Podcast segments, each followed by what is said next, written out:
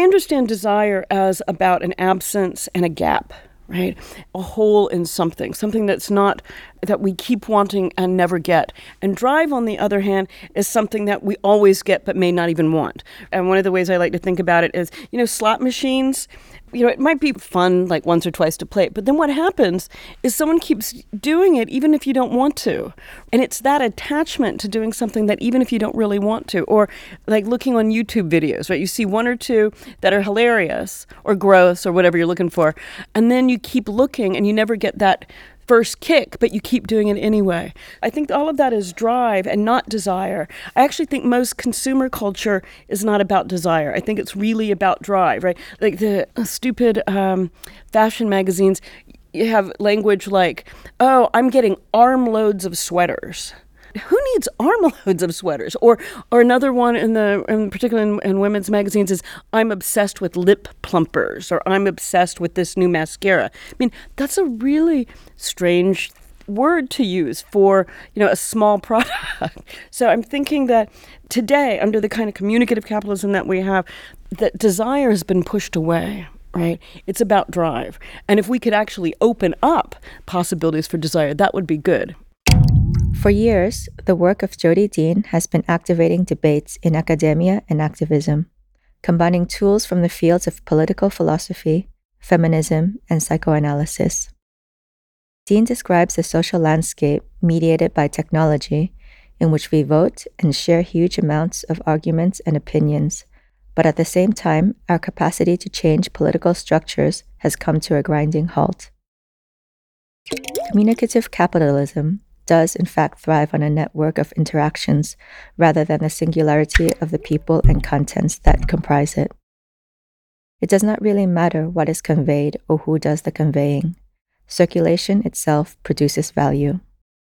In the face of this paradox, Dean suggests reconstructing the left, moving away from the demand for more participatory processes, greater consensus, and better democracy and instead placing the antagonism and power of partisan politics back at the center of common life.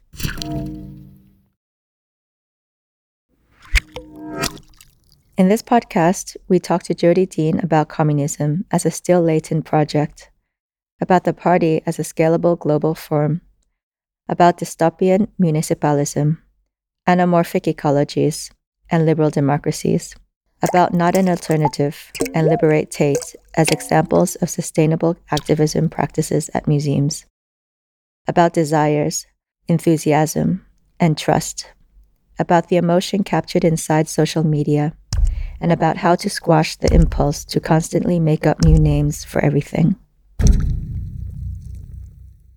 We know it's possible to talk about pop culture and politics, right? We've been doing that. Um, and we know that a lot of people have, have done that, like cultural studies has, has a whole discipline um, devoted to that. In my view, the question is, in what politics does one want to follow from it, right? So much of it seems to me, hi, I'm an academic and I really love comic books, and so I'm going to analyze them.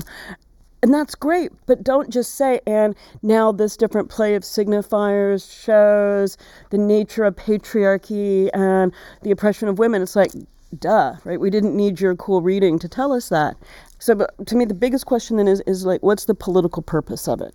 When I talk about communicative capitalism and the circuits of drive, to me, what's important is recognizing how we get captured in popular culture, captured in consumer media, captured in all of the kind of internet and cat photos, the stuff that's really fun. And I'd say part of the capture is if we think that we're doing it and we're being really political. Right? It's just like, oh my God, did you see my tweet? Like, oh, you know, that's just like so radical. Like, yeah, you and like eight billion other people yesterday. So the first thing is is what kind of political claim does one want to make for any kind of pop cultural intervention for some groups, the entire terrain of politics has become so constrained that their primary goals are to be able to see themselves represented in mass culture. When we think back into television, say it must have been the early 90s when Ellen DeGeneres came out on her TV show, or you know, more recently when Caitlyn Jenner transitioned. Both of these were considered like really huge steps, even as the reality of life for the strong majority of gay people, queer people, trans people is really awful. It didn't make any kind of change in terms of rights to be able to visit your partner in the hospital or rights to keep your job. So, a symbolic politics of representation in pop culture. Now, maybe that's not totally nothing, right? If we recognize that the United States is a completely authoritarian country now, right? And it's a, a, a, weird kind of authoritarianism where people can say anything, they can say anything they want, and they do everywhere all the time. They can have guns in many places, anywhere, all the time, right? There are all sorts of permits for um, concealed weapons. Anybody can buy guns very easily. But yet, what can actually happen politically is just totally, totally constrained. A politics of representation kind of makes sense, but you know, leftists should just kind of recognize it for what it is. It's a response to a very, very constrained political world, right? One where money and capital is everything in U.S. politics. A handful of billionaires, particularly like the Koch brothers or Rebecca Mercer, this oligarchic class controls so much, and any electoral politics at the national level is so much in their pockets that the cultural space is the space where a lot of people aspire to. So, with all that as background now to Black Panther, sure, Hollywood's recognized, like, oh my God, we can make so much money from this part of the population. We can make so much money um, as we always have with Black talent, you know, as we have in Black sports, as we have in Black music, for generations of the entertainment industry in the United States, completely exploiting Black culture at the same time, yeah, there are a number of black people who are really excited and for good reason, right? Why do all these superheroes have to be framed within a primarily white culture. Like, what does it mean to frame it in, in a primarily black culture? It's really exciting. So I think, you know, understood, you know, as narrow cultural politics, it's still something, but it's not, you know, it's not everything. I think that democracy is just the name that we have for our current milieu, and that the left should not argue for democracy if I think about this with respect to the United States, all of the badness was democratically produced. I mean, Trump won an election. The horrible Congress we have, they were results of elections. So that's the first part, right? I mean, if we think about democracy, so if we think about it with respect to elections, a lot of people have elections and everything still sucks. If we think about it with respect to communicative capitalism, we've got tons of participation. Everybody's sharing their opinion. Everybody's talking about everything all the time. Everyone can make their views heard, um, at least to somebody. And that's produced um, political deadlocks, extreme inequality, and um, I'd say now a rise of a very terrible right whether or not you want to call it a fascist right, a nationalist right, authoritarian right, probably depends on, on the country, actually. And the reason I think that communicative capitalism has enabled this kind of far right is because the left doesn't try to find a way to make a left view clear. If the left can't give expression to working class discontent, the right will and the right does and the left doesn't. And why doesn't the left? Because the left have become liberals. That means that the left basically thinks in terms of democracy, democratic processes, everything's a process, whether or not it's election or a big general assembly where everybody gets to just say their vote and, and you know raise their hands or whatever it's going to be. And so democracy even if we want to try to, to think about it more participatorily and not just elections, doesn't seem to be capable of registering a gap in our present. So I'm not optimistic about democracy as an ideal for the left. Does that mean I'm anti democratic? No. It just means I think that the left loses if we emphasize what we need is more democracy or what we need is real democracy. Well, real democracy, does that mean you want to sit around and have a bunch of right wing people participating in the discussion too? I don't. I would much rather have a very strong left push forward and nationalize all the industries, eliminate borders. Um, I mean, we don't even have health care in the US, so that would be like number one. But like socialize Google, Facebook, Amazon, these things that the people have made that are owned by billionaires. This is ridiculous. So the thing about democracy is it doesn't let you say that. Democracy just says, oh, shouldn't we everyone get a voice? Everyone's got it. That's not where the problem is. The thing that I, I don't like about cognitive capitalism is that it just strikes me as too brainy. It requires in this kind of extra set of categories around affect but it also then seems like it's coming just like it's one person, right? Like my thoughts or my feelings. And those go into the mix, right? Or there's monads, or we could even say singularities. And those then get kind of put into networks just strikes me as too cerebral and too isolated. Communicative capitalism makes you think about the practice, the interconnections. It's how the patterns of our interaction actually end up working against themselves. So I think communicative capitalism actually conceptualizes a lot better um, the interactions in networked media. I mean, they're not primarily one person just uploading stuff into a dump. It's about people responding to each other and wanting the responses from other people all the time. Now, I don't mean the, res- the responses may not be deeply thought through, they may not be nice, they may not be me- um, meaningful, but it's like getting the like, getting the share, getting the little bit of recognition from another person. That's really crucial. So I think the communicative part uh, makes you think of how people interact with each other in the ways that the others don't. Bifo's semio stuff, I think it's too in the realm of just symbols in the imaginary. You know, it's important to think about how images circulate for sure, but with him, you don't get, again, you don't get the practices of people interacting, you just have the stuff that circulates. So I want to make sure that we have, you know, the practical web of folks interacting. First, we we need to recognize that we still have, you know, good old-fashioned, old-school extraction of surplus value, right? So we still have wage labor exploitation under communicative capitalism. You know, all of the old forms still persist underneath the new ones, so they don't go away. But we also then have forms of exploitation of our voluntary work, right? We create content that Google, Amazon, other large hubs claim ownership of. We give it to them for free and they claim that they own it. A third one is of our, me- our metadata, the way that our like GPS uh, basically sells our location so that we can be advertised to. And that would be one thing. Or all the different apps, right? Oh, here we'll check your heart rate and then we'll sell your heart rate and all your other things so that people know, so that our customers can find ways to market to you. So that's um, the extraction of our metadata. Our attention, right? It's our attention is I would say, taken from us and exploited. And one of the interesting things on this is um, recently, like, I don't know, in the past couple of months, there's been articles in the mainstream US media about how Silicon Valley types don't let their kids use cell phones and they restrict their cell phone use themselves. So essentially, like they've created this tool or this drug for everybody else, and now they're shielding themselves from it because they recognize all of the kind of horrible properties of it. So that's sort of wild. So I would call that an exploitation of our um, attention.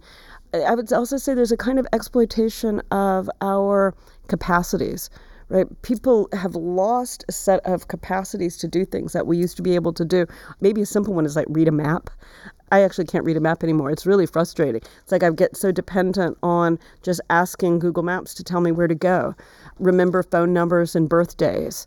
Um, those things we've kind of let the machines do for us. And so a whole bunch of our capacities, different kinds of interacting with kids, right? Those also get, um, I would say, those also are kind of taken from us in ways that we didn't really um, or haven't really been aware of, right? You know, kids being a brat, so you put an iPad in front of it. I mean, it's a lot easier, and when you're tired and working, you know, everybody in the family is working two or three jobs, it makes sense to do it, but it's also another kind of capacity that gets taken from us. I just think it's crazy to say, oh, yeah, let's just have a new name for everything and that's going to be new and we're doing something outside. No, you're not. Like rebranding, renaming, all of that, we get that constantly. And under the kind of media conditions that we're in, with this kind of constant appearance of the new, it's not an outside, right? And it's very hard for it to register there's a competition among all of the different new things all the time, right? And this sort of morass of like and wave of like have new gadgets, new ideas, new terms. Like, for all we know, someone already did think about something brand new that's really, really awesome. But I don't know, maybe they live um, in Tashkent, and because of all of the media that we're all exposed to, it hasn't trickled over to us. That probably happens all the time. And so, just saying, if we have a new name, it's just, it's blind to the conditions we're in. So, what is to be done in Lenin's fabulous um, terms? Find the things that are that are the most generic you can find. I, um, I get this idea from Zizek of the decline of symbolic efficiency, which is the way that symbols don't symbolize anymore we don't know exactly what they mean. So if, if you see a Catalan flag um, walking around the street, you may not know 100%, or at least I don't know exactly what it means when I see it in a place. It might just be a sports bar, but it might be someone's house. Like I don't, I don't know. Um, or we can say if somebody is wearing a cross on their neck, are they like a rock star? Are they ironic? is it just because Calvin Klein showed it on the runway? Like who knows? So there is this this problem of the decline of symbolic efficiency. Um, it's really hard to know what something means because it has so many different meanings and the meanings are ironic and they're contested. Yet, we can still sometimes find things that are common. For example, we don't have a lot of uncertainty about chairs. Like we know to sit in them. We might not think one's comfortable, but you know, it's not like chair is utterly destabilized. Um, most traffic cones are danger signs. They've got a, a fair amount of symbolic efficiency yet. And Lenin has a fair amount of symbolic efficiency left. Communism in the United States is considered something really scary and bad and awful. That's wonderful, right? That means that at least at least the right thinks that, that communists are really powerful and they're afraid of them. And so I think that we have to find and, and hold on to and infuse the symbols that still have some efficiency and still has some kind of power and claim that.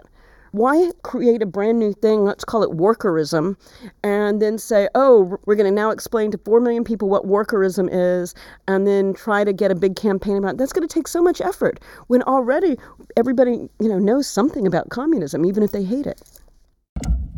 First, I think it's necessary to attack head on the claim that communism didn't work.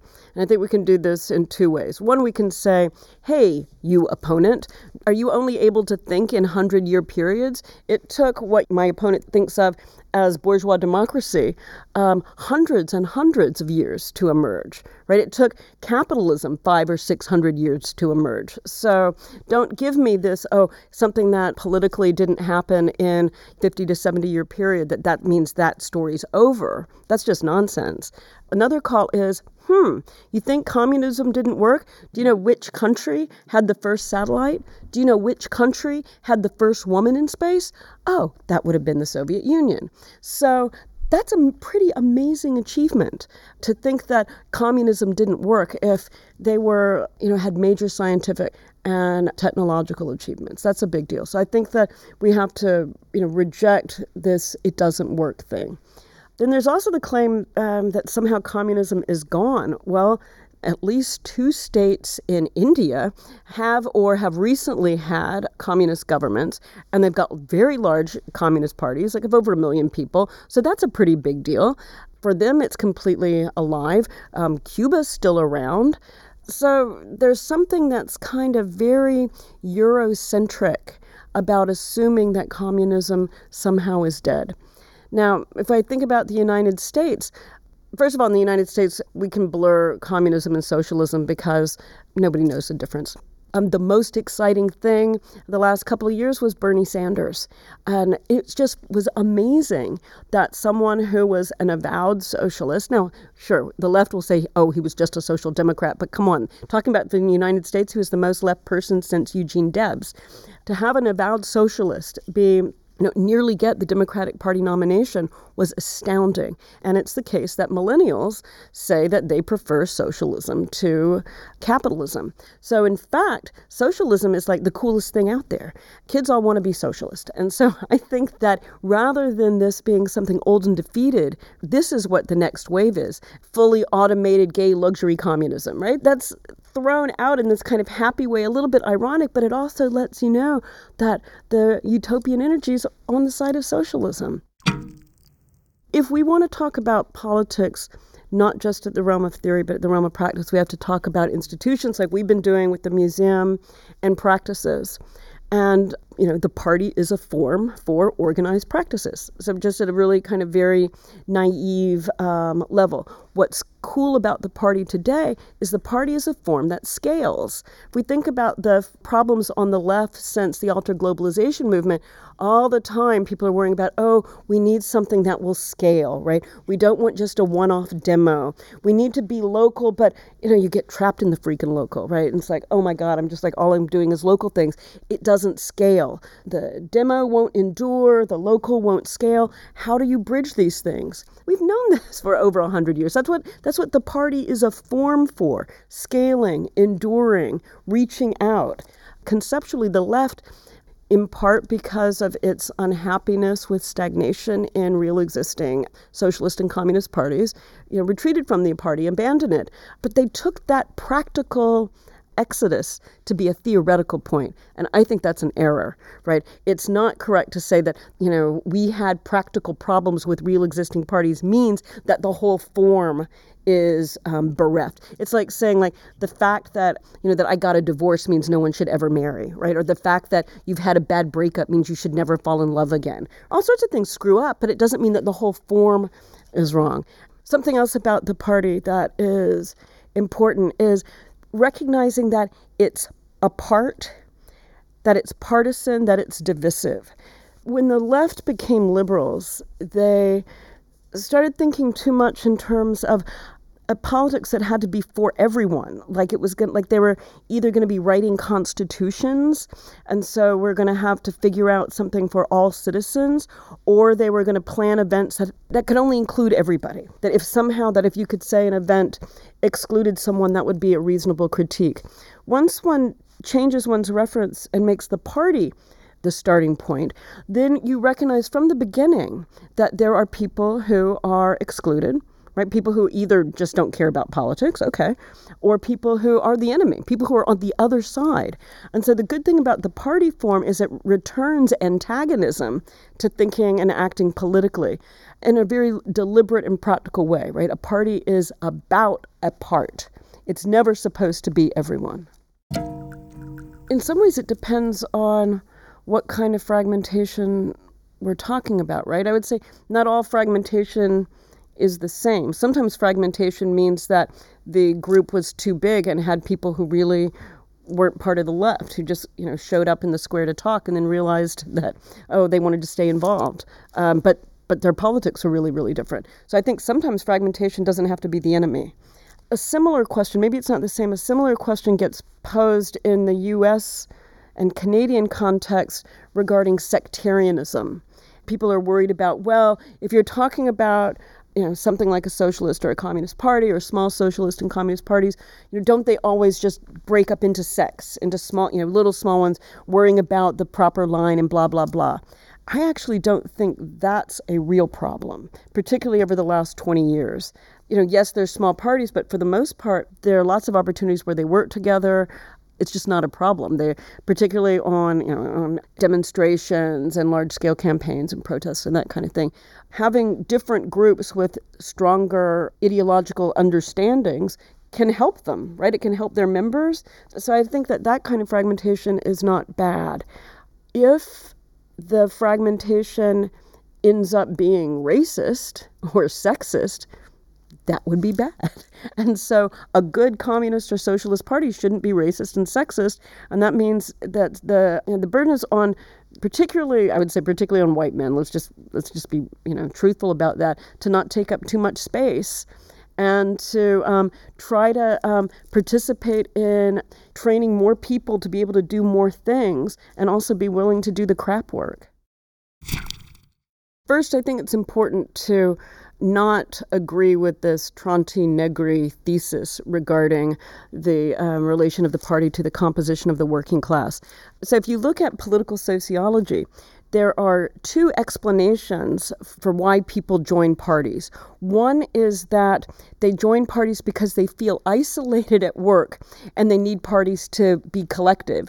But the Tronti Negri thesis is the opposite. People are already collective and so they join a party. Those are two opposite explanations. Both have been offered to my mind, that tells us okay, we can't decide automatically that the Negri Tronti thesis is the one that's correct because it was already the case that political sociologists were saying, no, no, it's not that they, that workers are connected with each other.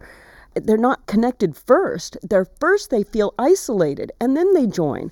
The Tronti Negri thesis is starting somehow like with workers in the 1920s and 1930s rather than the beginning of unions and parties, let's say in the 1850s, 1860s, 1870s, when people are isolated, fragmented, and have to come together. So I think there's something deeply wrong with the, um, with the historical claim that somehow the party just mirrors the factory. That's just, that's just empirically, I think, is false.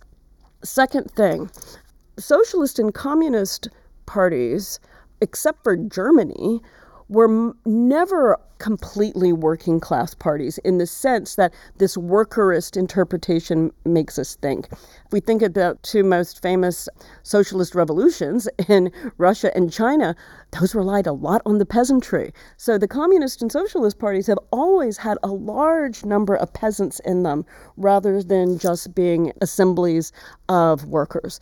Pushing away from this workerist thesis that somehow the Communist or Socialist Party mirrors an industrial working class. I think it's just, we got to get away from that because it's false.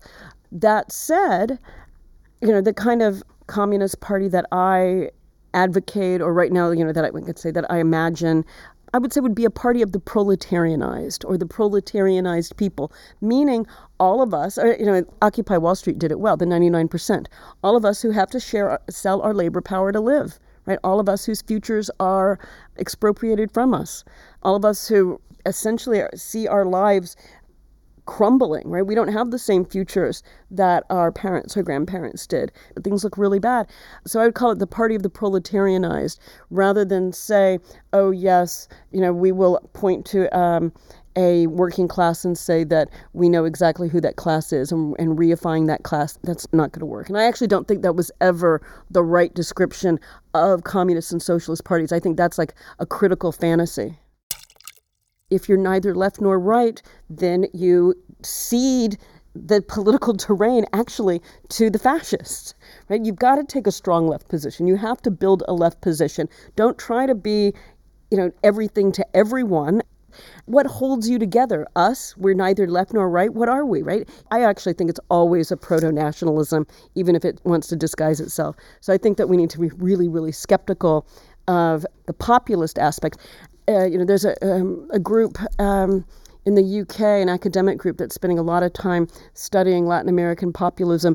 Now, this is my polemics. It seems to me that the only reason that they're they're doing this is they're afraid to be communist.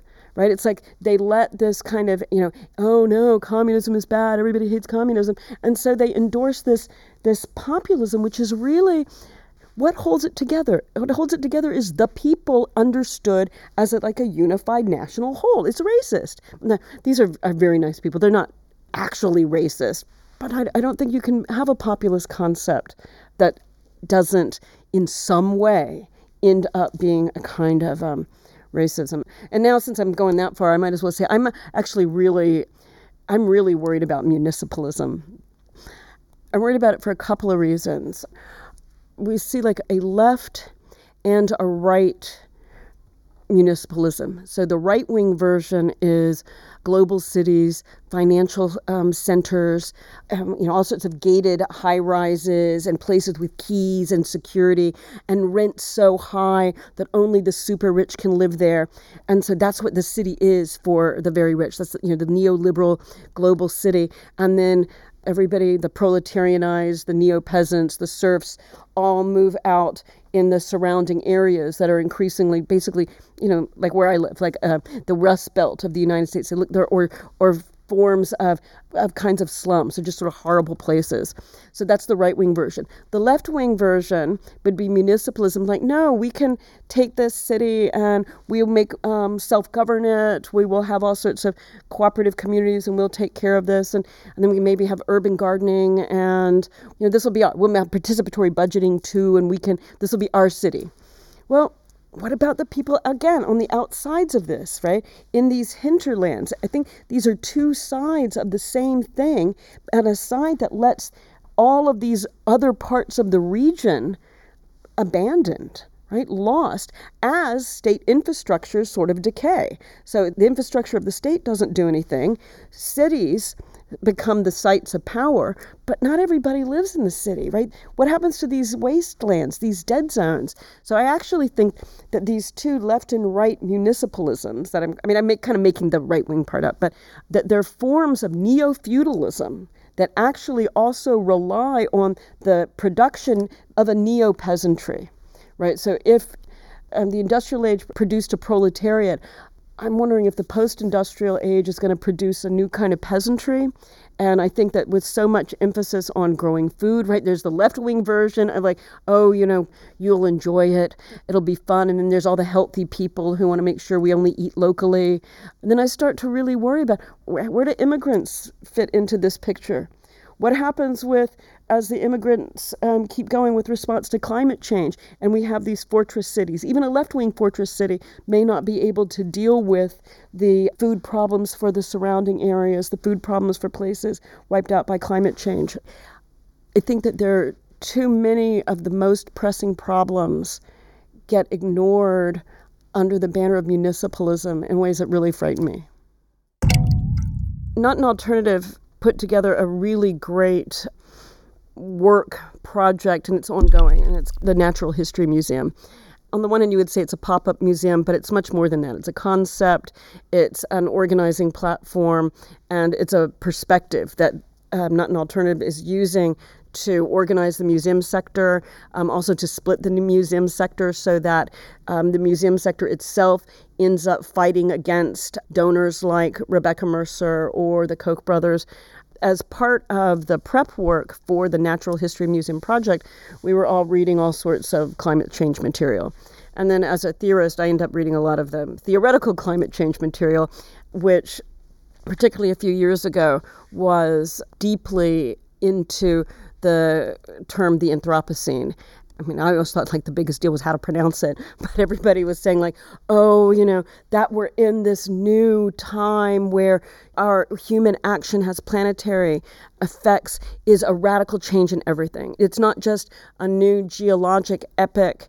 It's an uh, ontological shift, and it has to primary. There's got to be a mind shift. Everything has to change because this is such a significant thing so I'm reading all of this, and then it, there's line of discussion quickly goes into extinction studies, and then it starts to strike me as people kind of getting off on extinction, right? Really enjoying thinking about, oh, you know, what would the world look like with no people? And let's all do all this photography of like of like waste sites and enjoy mourning and all of this kind of horrible end of the worldism melancholia, loss, but also kind of celebrating it. Now, I actually think we should be deeply politically skeptical of this celebration of a genocidal imaginary, right? Because that's what it is. It's like this um, enthusiasm for a world without people is at heart genocidal.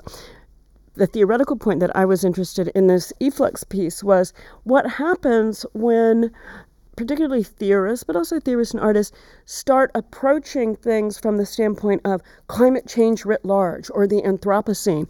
There's no place for human action, right? The humans have disappeared, and uh, instead you've got planetary processes and all this stuff. There's no place for politics. Any politics is going to be small, minor, minute. You can do, you can basically do nothing but document the changing climate right? Document the crisis, you know, be witnesses to the end of the world. And that's about it. And you can enjoy it or you can lament it, but that's it. And I think the more and more I started reading this Anthropocene stuff and this extinction stuff, the more I felt like the whole perspective eliminates political possibility. And so then it's like, well, what might open up political possibility or even being able to think politically, think about political action. And I was thinking about Lacan's discussion of anamorphosis. And, you know, he talks about Holbein's painting and the way that the skull, it just looks like a weird blotch. From one perspective, but from the side, you can see it that seemed like, yeah, we have to take a view from the side, not looking at planetary warming from the whole, but look at it from the side, from the standpoint of um, maybe specific processes or specific locations or specific dynamics, and recognize that, okay, any these specificities might be part of, of a larger politics or a larger set of interventions, but the theoretical angle can't begin from the Anthropocene. It can't begin from the whole. It has to take a view from the side because from the side we can see possibilities for action, places where organized people actually can make a difference. One of the things that was um, exciting about Liberate Tate's work with all the different Tate museums was the way that they just relentlessly went after British Petroleum and used the museum as a political space to try to one humiliate British Petroleum, humiliate the museum, and you know raise awareness. But the awareness part was almost more of a side effect. The real part was, um, I guess we could say, weaponizing the museum so that the w- museum becomes a tool and a vehicle for political action. You know, who is a horrible agent in this? Well, oil companies. Let's focus on one oil company and try to make them appear as the criminals they are. If we think of the um, achievements of the 20th century, right? Let's say social democracy. There was a massive emphasis on making sure that society met basic needs, that it didn't let the people starve to death or die alone and diseased in hovels, that it provided some kind of education and some kind of culture. Big museums become a big deal in the 20th century. Now, was it because of beneficent leaders? Was it because the rich people not wanting to hang out with the rest of the peasants? Or was it because of class struggle? I think that the achievements of social democracy were clearly achievements that were born from working class struggle. It was people fighting that got kids out of factories, that expanded public education, that made it the case that states had to provide some things for the people. So, on that note, then the institutions that we have, and let's now think in terms of public museums, are remnants of the achievements of class struggle. Sure, they're often bourgeois, they're often impacted by donors, they're often elite sites, but to the extent that they also have had as part of their mission something to do with the public good, something to do with, and let's say natural history museums have the goal of like presenting for posterity parts of the natural environment and histories of the natural environment. If we think that there's some public service that's part of the mission of public museums, that was born from class struggle. So I don't think it's totally anti. I think what this institutional liberation um, or seizing the museums can be like is recognizing first that public museums have this um, legacy, and then two, also recognizing that usually the people who work in museums don't all agree, right? Usually there's a struggle within the museum. And considering that for the most part, museum workers are part of the proletarianized class like the rest of us right? Like not um, super rich having to work for a wage right? Dependent on their wage in order to survive. They've got issues to deal with respect to donors with respect to regulations and with respect to how can they use the museum for the struggles that matter. Enthusiasm is one of the set of affects that circulate a lot in communicative capitalism, right? Like communicative capitalism relies on this not meaning, not the circulation of meaning, because basically meaning has been eclipsed. The use value of a message or an utterance is replaced by the circulation value of the contribution. So then what makes things circulate? Usually it's going to be some kind of affective investment.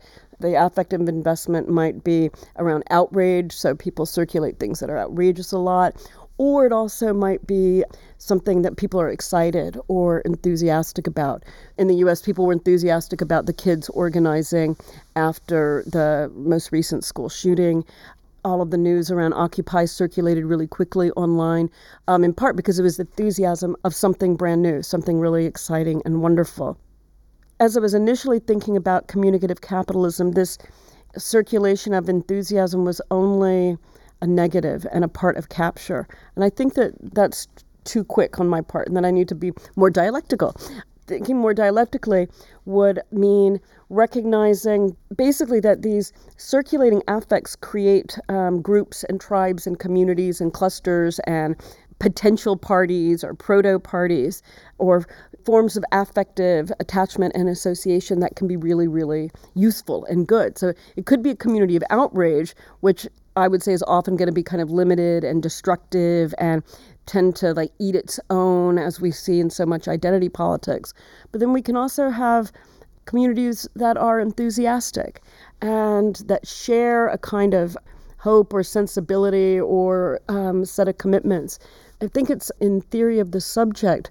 Badiou talks about um, confidence as one of the either modes or I'll call it an affect or one dimension of the subject he's talking about the party, so we'll just say confidence is something that the party is supposed to generate and instill in its members. And I think confidence is also like enthusiasm because it's a willingness to keep going, it's a willingness and a desire to want to keep fighting even when situations aren't good, right? I mean, on the left, we have always a resource problem, right? We're fighting against the rich. The rich have all the money. We don't. So we have the people. And I think that's also why so many left groups end up spending so much time on interpersonal relations and sometimes become too inward turning because they realize you know they've got to take care of their people so that they don't burn out or just don't leave the movement and so this kind of knot of the only resource we have being the people and needing to not you know, burn them out eat them alive but keep them connected and enthusiasm i think that is just the kind of a primary dilemma that the left faces. I don't know if we if anyone can solve that, right? I mean, it's like it would be like solving a thing like, oh, how do you have a happy family, or you know, how do how do you make your relationship work? There are always going to be problems and and dilemmas, but at least recognizing it, like, oh, we're inward turning right now, not just because we have no goals, but because we have to take care of and you know maintain and keep the confidence and energy and enthusiasm of our people alive that's a real thing, right? That's a real investment in the resources that we have.